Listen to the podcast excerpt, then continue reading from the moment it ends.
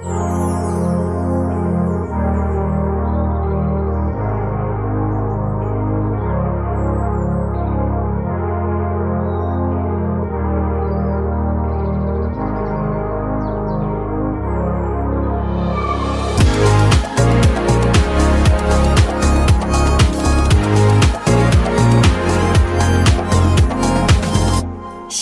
Halvor. Det er nesten litt sånn at vi må klype oss litt i armen, for nå har vi faktisk kommet på besøk til deg her på din splitter nye eh, hytte på Turufjell. Og vi har akkurat fått en omvisning, og eh, jeg er nesten litt sånn målløs av eh, hva du har skapt her oppe. Og før vi skal snakke nærmere med deg, Halvor, så, så må jeg bare si at eh, Må egentlig takke deg litt for alt det du betyr for oss i Norge når det kommer til eh, passion for eh, hjem og interiør. For uh, jeg vet jo at mange med meg er ekstremt opptatt av det du gjør, og vi omgir oss med dine produkter, vi sover i ditt sengetøy, vi drikker av dine kopper, vi eh, koser oss i dine møbler, og, og, og, nå sitter vi til og med på en hytte som du har eh, tegnet og designet. Og eh, vi er vant til å ha deg der, du har vært en del av, av Interiør-Norge i så mange år nå. Hatt en lang karriere, og det gleder jeg meg til å høre mer om. Og så må jeg også si at jeg er veldig, veldig takknemlig for at du også er juryformann på Gullfjell. Det betyr mye for meg og for Franziska. Men Halvor, nå er, eh, er, eh, nå er tiden kommet til å, å, eh, å snakke med deg og fortelle oss litt om hytta som vi sitter i nå. Hytta har jeg jo tegnet med mm, Først velkommen. Veldig hyggelig at dere ville komme opp på Turefjell. Det er liksom ikke verdens navle, men det er jo liksom eh, et, et nytt hytteområde som jeg syns er veldig, veldig fint å få lov til å være en del av.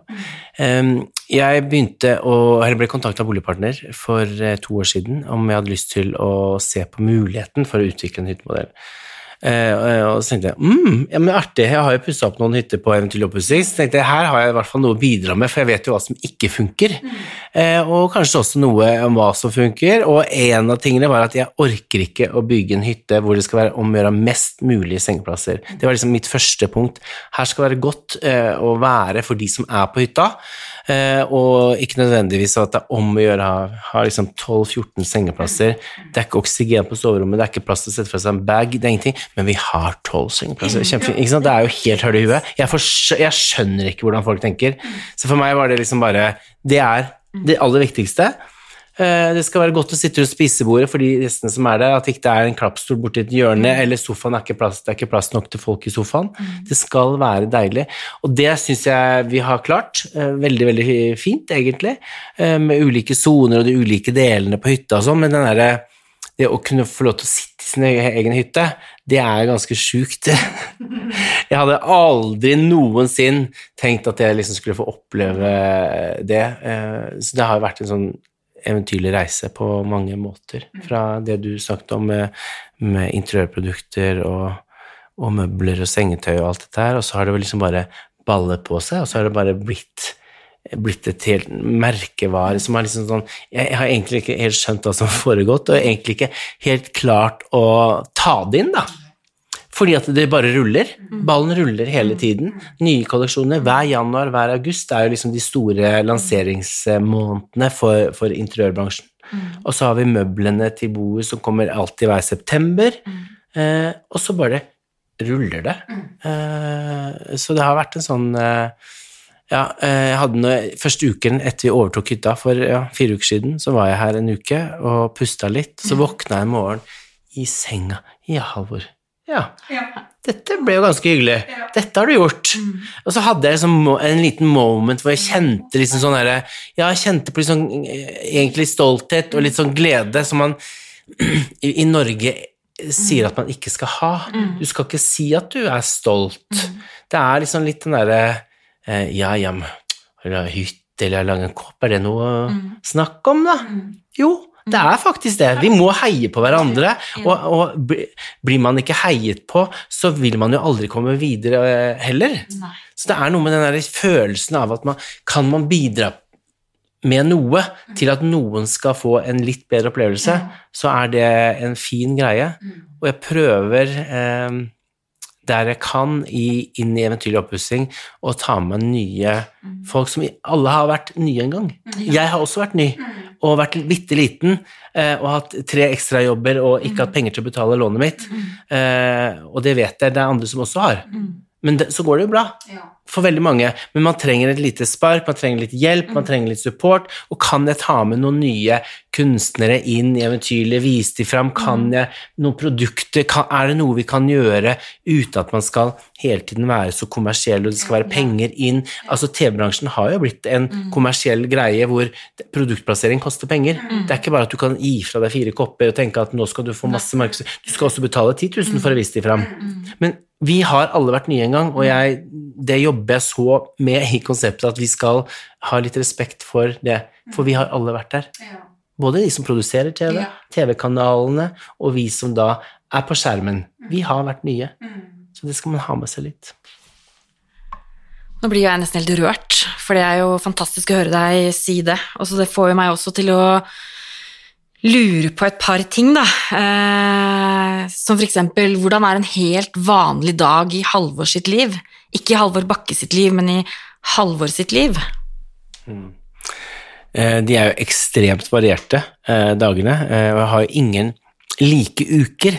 Og det er jo en eh, utfordring eh, i forhold til dette med for eksempel å trene, fordi at jeg liker ikke å trene. Eh, har aldri likt det. Eh, men når jeg hadde en 9-4-jobb, eh, så var det lettere å få det til. Det var mandag, onsdag, torsdag, trente med en kompis av meg, Erik, som hjalp meg i Oslo. Det, det var veldig sånn lett, da gjør du det, ferdig. Men nå den ene dagen så er jeg på eh, TV-opptak, eller jeg har en podkastinnspilling her. Ikke sant? Eh, I morgen så har jeg noen eh, andre avtaler eh, hjemme i Stavern, eh, og så skal jeg smake på nye bobler. Jeg har jo hverdagsbobler. Både hvite og rosa, og nå skal vi også jobbe med noe som er så fint som champagne. Og det er liksom i- i- på onsdag, ikke sant? Eh, Så, så ingen dager er like, men jeg ønsker og prøver så godt jeg kan å være hjemme på Trav, småbruket mitt utenfor Stavern, så mye som mulig. Eh, Så jeg kommer, jeg kommer heller hjem ett eller to på natta for å kunne våkne der og få den roen. Så det er viktig for meg. Det er min base, ladestasjon, det er Tra. Eh, og der er det ofte hjem på formiddagsmat hos mamma og pappa. De bor i nabohuset. Der har de sånn åpen kafé hver dag halv tolv. De som er hjemme av familien, de kommer, om det er tanter eller onkler eller eh, lillebror eller søster. Altså sånn, man ramler innom og spiser. Og det er en sånn god, fin ting. Og det får jo da meg igjen til å lure på Jeg var så glad du tok opp det med Stavern. For hvis jeg ringer foreldrene dine eh, Det er et spørsmål jeg Når jeg jobbet som HR-sjef, så brukte jeg alltid det i jobbintervjusituasjoner. Hvis jeg ringer hjem til mammaen din eller pappaen din, hvordan vil de beskrive deg da? Oi. Eh, at jeg jobber altfor mye. jeg reiser altfor mye. Eh, og så er de veldig flinke til å skryte av meg. Eh, de syns at jeg er flink med det jeg gjør. Eh, det kommer alltid en melding. I går kom det en, tekstmelding. Eh, vi ser på eventyrlig repriser reprise fra forrige uke, for da får vi iallfall sett deg, siden du er borte. Klem mamma. og rødt hjerte. Eh, så mm, at de vil nok si at jeg er ganske omsorgsfull. Mm. Eh, at jeg eh. Men de er nok mest bekymra for at jeg jobber for mye. Ja. Det er de. Og det kan jeg være innimellom òg. Ja, og det er jo ikke noe tvil om at du jobber mye, for du har jo da, som Marianne sa i stad, en egen møbelserie, eget servise, egne glass, eget sengetøy, eget gulv, eget TV-program. Og du har jo snakket litt om det, men jeg har lyst til å spørre en gang til, reflekterer du noen gang over suksessen din? Eh, reflekterer du noen ganger over hvor suksessfull du egentlig er?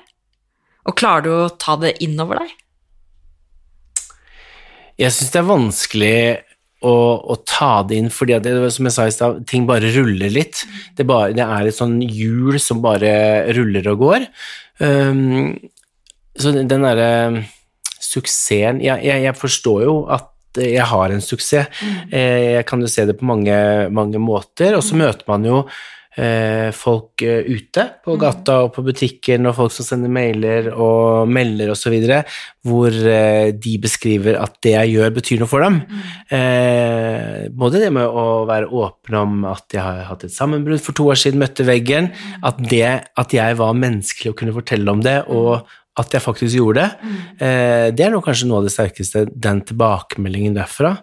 Eh, egentlig mer enn det at eh, folk er happy for at de poster et bilde at de drikker boblene mine, eller sover i sengetøy. Og det er så godt å sove i sengetøy, de elsker det er så Og alt det er hyggelig, eh, men det er jo litt de tingene som ligger bak, da, eh, og det som har gjort at man har blitt sliten. Mm.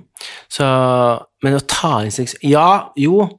eh, Jeg kjøpte meg Jeg, jeg har liksom egentlig ikke brukt penger, jeg har vært veldig fornuftig med pengene mine, og, og sånn, men når jeg ble 50 for et år siden, så bare ringte regnskapsføreren og sa jeg har så lyst på en kabriolet. Kan jeg, har jeg penger? Ja, kjære tid, jeg overfører, bare kjøp. Og så tenkte jeg, guri land, er det sant? Kan jeg bare gjøre det? Eh, og da hadde jeg jobbet i mitt eget firma i 15 år og jobba livet av meg, og da var det liksom først altså, tenkte, Ja, jo, da er det jo kanskje en suksess da, når man kan gjøre sånn. Og litt sånn helt galskap, og jeg har alltid ønsket meg hele livet, og så Jeg gjør det, jeg gjør det, og så kunne man gjøre det. Og det var, men ellers så er det liksom det er jo ikke pengene som driver meg, det er den derre skapergleden av å skape ting som folk elsker. Eh, at, eh, at man kan nyte av at de digger det runde spisebordet mitt, de sitter godt, sover godt, vasker seg med såpene mine. At å kunne få lov til å bidra til at folk kan få en hyggelig opplevelse hjemme. Det skal være godt å komme hjem, det er mitt motto. Eh, helt uavhengig om trendene er sånn eller sånn, men hvordan vil du ha det hjemme? Og kan noen av mine produkter være med å løfte den lille følelsen, da? Snakk om det å tenne et lys eller lykter. Har du ikke penger til blomster hver uke, tenn lys. Et telys koster jo liksom én krone på Nille, og det har de aller fleste av oss muligheten til. Eh, Men har du tent lys, så er det fint. Det er en stemning, det er en opplevelse, det er noe godt. Og eh, bor du sammen med noen, tenn et levende lys. Førstemann som kommer på badet på morgenen, f.eks. Du har tenkt på den som kommer etter deg. Og bor du alene sånn som jeg gjør, så tenner jeg lyset allikevel. Vi må jo snakke litt om eh, eventyrlig oppussing. For det er jo veldig mange av lytterne våre som er eh, ser på, følger med på og er nysgjerrig på. Og det er vel syvende sesongen eh, nå. Eh, det jeg lurer mest på, er ser du på programmet selv når du går på TV? Nei, aldri. Jeg blir tvunget innimellom, eh, eh, om jeg er hos mamma og pappa eller noen venner som gjerne vil se på det. Eh, men nei, jeg liker ikke å se på meg selv.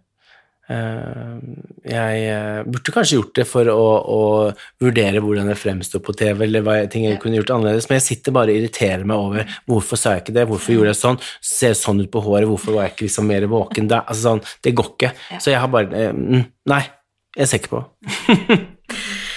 Men eh, hvordan er en innspillingen av en episode, da? Eh, fortell oss litt om hvordan det foregår. Vi har seks dager til rådighet. Eh, fra vi ankommer hytta til vi reiser, det er seks døgn. Hvis ikke dager, men vi sier døgn. For de, de- dagene blir ofte til døgn. Eh, men vi starter jo, eh, det er jo reisedag, første dag, eh, stort sett alltid, og da skal man jo komme seg inn til hytta. Det kan jo ta fire, fem, seks timer fra du reiser hjemmefra. Eh, og så møter vi hytteeierne, får høre deres historie, litt om En del av har vi fått i søknaden på forhånd, Eh, men liksom litt mer hvordan har de det, hvordan bruker de hytta, og ikke minst er det noe som er affeksjonsverdi. Jeg elsker å spare på gamle ting. Om det er noe som eh, er fra forrige generasjon, ikke sant, litt den der. Så rømmer vi, eller rydder og tømmer hele hytta. Eh, og det er det vi egentlig gjør den første dagen, så vi er liksom klare til å starte på dag to. Ja. Og da er det jo bånn spiker alle disse dagene eh, til, eh, til dag fem på natta, hvor man da må være ferdig, fordi at hytteeierne skal få hytta si tilbake dag seks, og vi skal reise hjem dag seks. Og da er det jo et rigid system med, med hele crewet. Vi er tolv stykker på sett, eh, hvor alle har sine spesifikke oppgaver. Alt utstyr på de s- forskjellige stedene, og det er telter, det er mattelt, det er interiørtelt. Det er jo, for det er mange steder vi ikke kan oppbevare ting, ikke sant. Og så skal det flys inn med helikopter, eller skal kjøres inn med sekshjuling, eller noen ganger har vi jo bilvei, heldigvis. Så det er jo en logistikk av en annen verden. Eh, Og alle disse her skal jo spise tre ganger om dagen. Og helst mer for håndverkere. De spiser, føler jeg, hele døgnet rundt. Eh, og det er jo utallige kapp- med kaffe. Men vi har jo folk som hjelper oss. ikke sant? Det er noen som er ansvarlig for å fikse mat og kaffe til de som da eh, er bak kamera, og de som er foran kamera. Så, og vi er en familie. Vi er jo på reise 60-70 døgn i året, ikke sant. Så vi tolv er jo Vi vet jo når folk skal på do hver dag. Det er, han er borte klokka, ja, klokka er ni, ja, ja, men da er han på do, ikke sant. Eller jeg elsker å ha kaffe på senga hver morgen før jeg begynner, det må jeg ha. Da er det noen som eh, lager det, eller at det, vi bytter liksom litt på de tingene, og hvem som trenger en liten ekstra sjokoladebit sånn i firedraget, for da begynner det å liksom rønne litt på. Så man er jo en god, fin familie, eh, og vi har det jo vanvittig morsomt på jobb. Ja. Eh, Og så er du helt forsynt når dag eh, seks er, og det er ofte man kan se at man griner litt når vi er ferdige på siste episode. Og det er jo eh, flere årsaker, egentlig, at du er drita sliten, utslitt, på en måte, og så er det en litt sånn følelsesmessig utladning når du ser hytteren kommer tilbake, og, og de aller, aller, aller fleste tilfellene så elsker du det vi har gjort. Og da blir man liksom så åh, ta, ta, mm. De, de er glad, de er happy. For du går med en spenning. Er- Liker de det vi gjør? Er, er det innafor, liksom? Så det er en sånn uh, utløsende faktor, og jeg er veldig lettrørt. Jeg har arva pappa. Så jeg griner bare og sier bø. Uh, og Ole er minst like ille. Så vi er jo liksom sånn sippetanter på, på slutten der. Men uh, vi tenker det er Ja, det er fint, det er ekte. Det er ikke tilgjort. Herlig. Eh, og syv sesonger eh, og mange episoder. Og er det noen av prosjektene som har gått på trynet? Alt kan vel ikke være vellykket? Nei, spørs hva du mener med på trynet, men eh, vi har jo hatt én hytte som vi ikke ble ferdig med. Hvor vi tok oss helt vann over hodet eh, og måtte fortelle hytteeierne at vi er dessverre ikke ferdig. Vi, vi må sende noen håndverkere som skal gjøre dette ferdig eh, neste uke. Eh, så det har vi hatt. Men det har vært én. Eh, men de andre hyttene så har det jo vært sånn eh, Du har jobbet til tre-fire om natta. Altså det har vært sånn helt hinsides, vi må leie inn ekstra snekkere for å hjelpe oss for å bli ferdig. Det skjer jo fra tid til annen. Eh, men det er én som ikke vi har blitt ferdig med. Det er jo helt uh, imponerende. Du Halvor, vi må snakke mer om uh, det du designer. Eh, For det er spennende. Eh, Og det vi lurer veldig på da, er jo når du starter den prosessen, hva det nå enn er, om det er et bord eller en kopp eller et lys eller hva det er, eh, hvem ser du for deg, og hvordan er den designprosessen? Den er jo, starter ofte med et eh, behov som mine produsenter har kommet med. Eh, om det er Magnor Glassverk eksempel, som da har behov vi, vi trenger et nytt hverdagsservise, eller vi mangler lykter til sånn eller sånn, eller eh, Norway Group som sier at nei, men vi, vi trenger mer sengetøy som kanskje kan gå på, eh, på hytter, på fjell. Eh, Kan du komme opp med noen ideer? Har du noen tanker? Eller at jeg får, får mye henvendelser fra, fra kundene mine som å, vi savner sånn eller sånn, vi, er- kan ikke du designe det, for det hadde vært så fint å hatt. Og så, når den meldingen kommer fra flere, og så begynner man å se på tingene, i kolleksjonene, og så begynner man jo å, å jobbe. Eh, og da er det jo først og fremst hvordan jeg liker ting. Eh, jeg har vært veldig sånn opptatt av å ikke se på andre. Hva er det jeg liker? Hva er det jeg savner?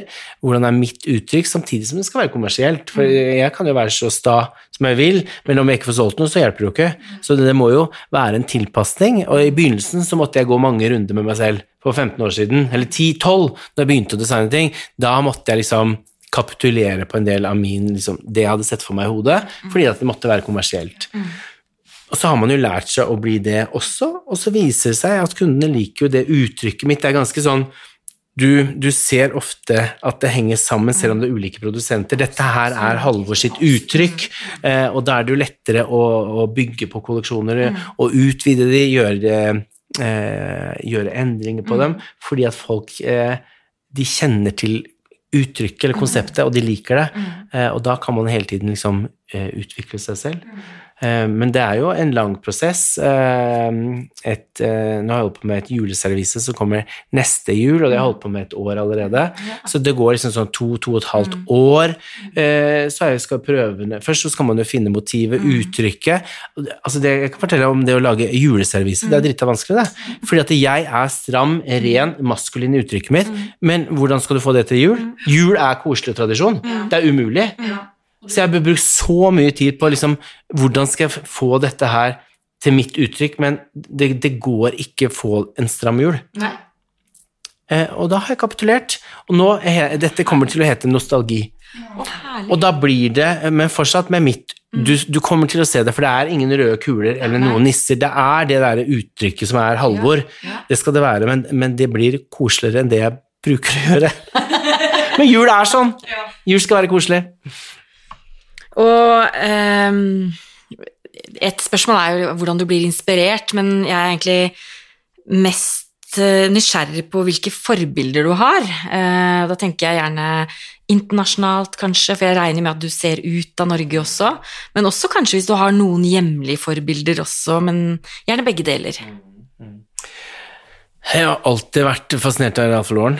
Eh, veldig tiltalt. Det er sånn klassisk eh, tidløs greie som egentlig i min verden aldri har vært overraskende, men det har vært ja, nettopp.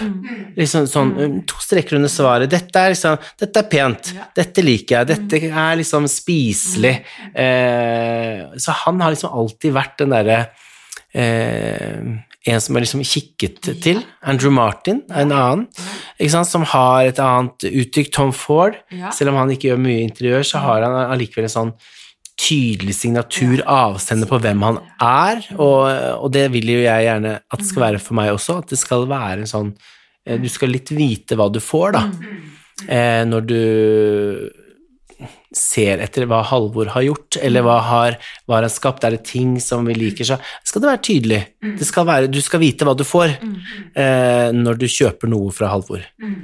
Eh, hjemme, ja, eh, jeg ser jo veldig ofte ut og er veldig, veldig mye i Sør-Afrika eh, og blir inspirert der på både hoteller, restauranter, butikker. Eh, mange samler jo på vin, eller de samler på smykker eller diamanter. Jeg samler på hotell.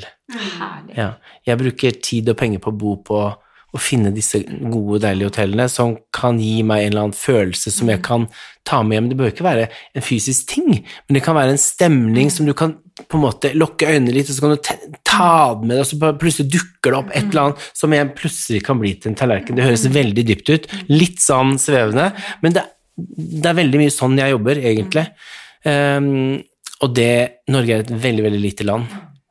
Det er vanskelig å, å se se til noen i Norge. Man, kan, man kan være liksom fascinert av, eh, av hvordan designere jobber i Norge, men det, vi er veldig få. Det er lite. Så jeg liker liksom Jeg, jeg har aldri vært på et Pay-seminar. Pay er disse som setter farger og toner, hva er som kommer i Aldri vært på det. Jeg vil gjøre mine greier, jeg vil kjenne på min magefølelse. Eh, og så tror jeg det har vist seg å fungere, eh, og det skal jeg fortsette med. Ja, det har fungert ganske bra, syns nå jeg.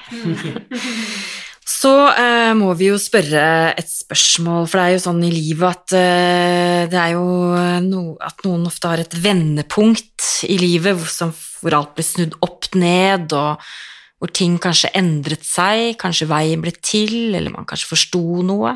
Har du noen sånne øyeblikk i ditt liv som har betydd Som har vært et vendepunkt for deg? Eh, kanskje litt vanskelig egentlig å ta, snakke om, men, eh, men jeg ble skilt for fem og et halvt år siden. Eh, og det var nok et eh, vendepunkt på mange måter, hvor man oppdaget at eh, det er mange årsaker, og det er to stykker som har giftet seg, to som skiller seg, så det, eh, og jeg har et veldig godt forhold til min eksmann. Men eh, da innså man kanskje at fo mitt fokus har vært mer på å designe og jobbe enn inn i å ta vare på en relasjon. Eh, og det er den første til å innrømme at jeg ikke har vært god nok til den eh, omsorgen for de, den som har vært hjemme. Jeg har vært bare ute, og det begynte å rulle fortere og fortere, og ting ble mer og mer intenst, og man fikk større og større suksess, eh, og ville gjøre mer og mer ting. Eh, og så mislykkes man totalt på hjemmebane. Eh, og det er en sånn Det er nok et vendepunkt og en, en endring som man ser man skal passe seg for. Mm. Og da er det jo veldig nærliggende å spørre hva lærte du av det? Ja, jeg lærte at jeg må øh, passe på i, en ny relasjon, eller passe på å være Se utenfor mine egne ting og, og være flinkere til å si nei. Uh, hvilket jeg ikke har vært så veldig god på. Uh, men jeg har nå en manager som hjelper meg med å, å, å si en del nei. Um, og jeg, det er lettere for meg å si nei på mail enn når man møter folk fysisk. For da, skal, da, er, det, da er, er, det en relasjon der allerede, ikke sant? Men uh, jeg har blitt god på å si er du snill å sende meg en mail, så skal jeg se på den når jeg får system i kalenderen min, og da kan jeg lettere beklage eller si nei at ikke har tid eller mulighet. Da. Så det har man lært. Og Først fint at du delte det, da. Det var veldig fint. Og da har jeg jo veldig lyst til å følge opp med å, å spørre Er det noe du savner i livet? Er det noe som mangler i livet ditt? Ja, jeg mangler mer tid. Eh, Tid til eh, venner og familie. Og så savner jeg en å dele livet med. Det gjør jeg. Eh, Jeg har det veldig, veldig fint, men eh, med vennene mine, med familien min og eh, ny hytte og alt dette her. Men det er noe med den derre Jeg legger meg alene og står opp alene 99% av dagene, og det å kunne dele noe, noe av dette med en annen hadde vært veldig fint. Så, men eh, man finner eh, på en måte så Når jeg har vært singel i fem og et halvt år, så finner man jo en slags rytme i det også.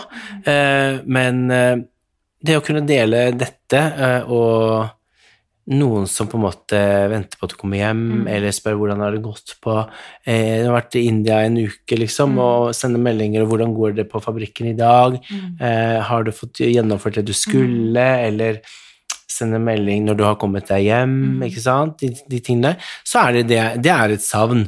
Men den har blitt på et Jeg føler at den er litt på et annet nivå. Jeg har klart å eh, Hvordan skal jeg si dette? Klart å, å finne en eller annen ro allikevel, da. Eh, med noen nære, gode venner, da. Ja. Og egentlig et uh, siste spørsmål er eh, Og det er jo også litt et stort spørsmål, men uh, hvor er du om ti år da, Alvor? Ja, det kan jeg fortelle deg, jeg. da sitter jeg og gynger i Cape Town. jeg har som mål å gå av med pensjon når jeg er 60. Eh, om ni år så har jeg så lyst til å gjøre det. Jeg gjør alle de grep jeg kan for å få det til. Eh, og har eh, lyst til å være der fire måneder hver vinter på et eller annet sted som skal være mitt. Eh, og så vil jeg selvfølgelig ha noen ting hjemme også på, på sommeren, men at det skal være min gulrot de, de, de årene som jeg nå skal jobbe, og gjøre det ferdig arbeidslivet, da. Og så har man sett så mange eksempler på at folk blir ikke pensjonister, og hatt eh, flere onkler og familier som har dødd altfor tidlig. Eh, så jeg har ikke lyst til at man skal vente til man er 67 eller 70. Altså, eh, det kan være at jeg kanskje skal jobbe, gjøre med liksom én ting, men i hovedsakelig så vil jeg, den dagen jeg er 60, så skal jeg slutte. Det er målet med sånn som jeg jobber nå. Det er det jeg har lyst til. Mm. For en herlig samtale, Marianne. Eh, Er du klar for å oppsummere? Ja, tusen, tusen takk, Halvor, for eh, en veldig god samtale. Du har, eh, kjenner at jeg både har vært litt rørt og glad og alt om hverandre. Og, jeg, og så sitter jeg her og tenker at det, det er ikke rart at vi er så mange som er så glad i deg, Halvor. For at du er så ekte og fin.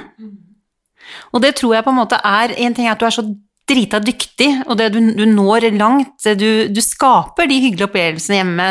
Eh, Du begynte å snakke om duftlys og levende, levende lys eh, for så mange år siden, og det har du stått i hele veien. Ti- men i tillegg så er du en så utrolig varm og fin person som, som er deg selv, og det tror jeg mange har mye å lære av deg. Så jeg sitter her og kjenner litt på at eh, fy søren så glad jeg er i deg. um, og jeg er sikker på at, eh, og jeg er veldig glad for at eh, vi eh, i hvert fall i ti år til kan ha glede av de tingene du, du designer, Halvor.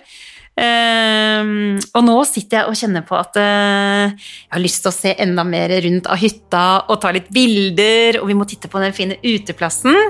Også til alle dere der hjemme som har uh, hørt på oss, så skal vi love å dele så godt vi kan med, med bilder og film også denne opplevelsen her. Men tusen takk, Halvor.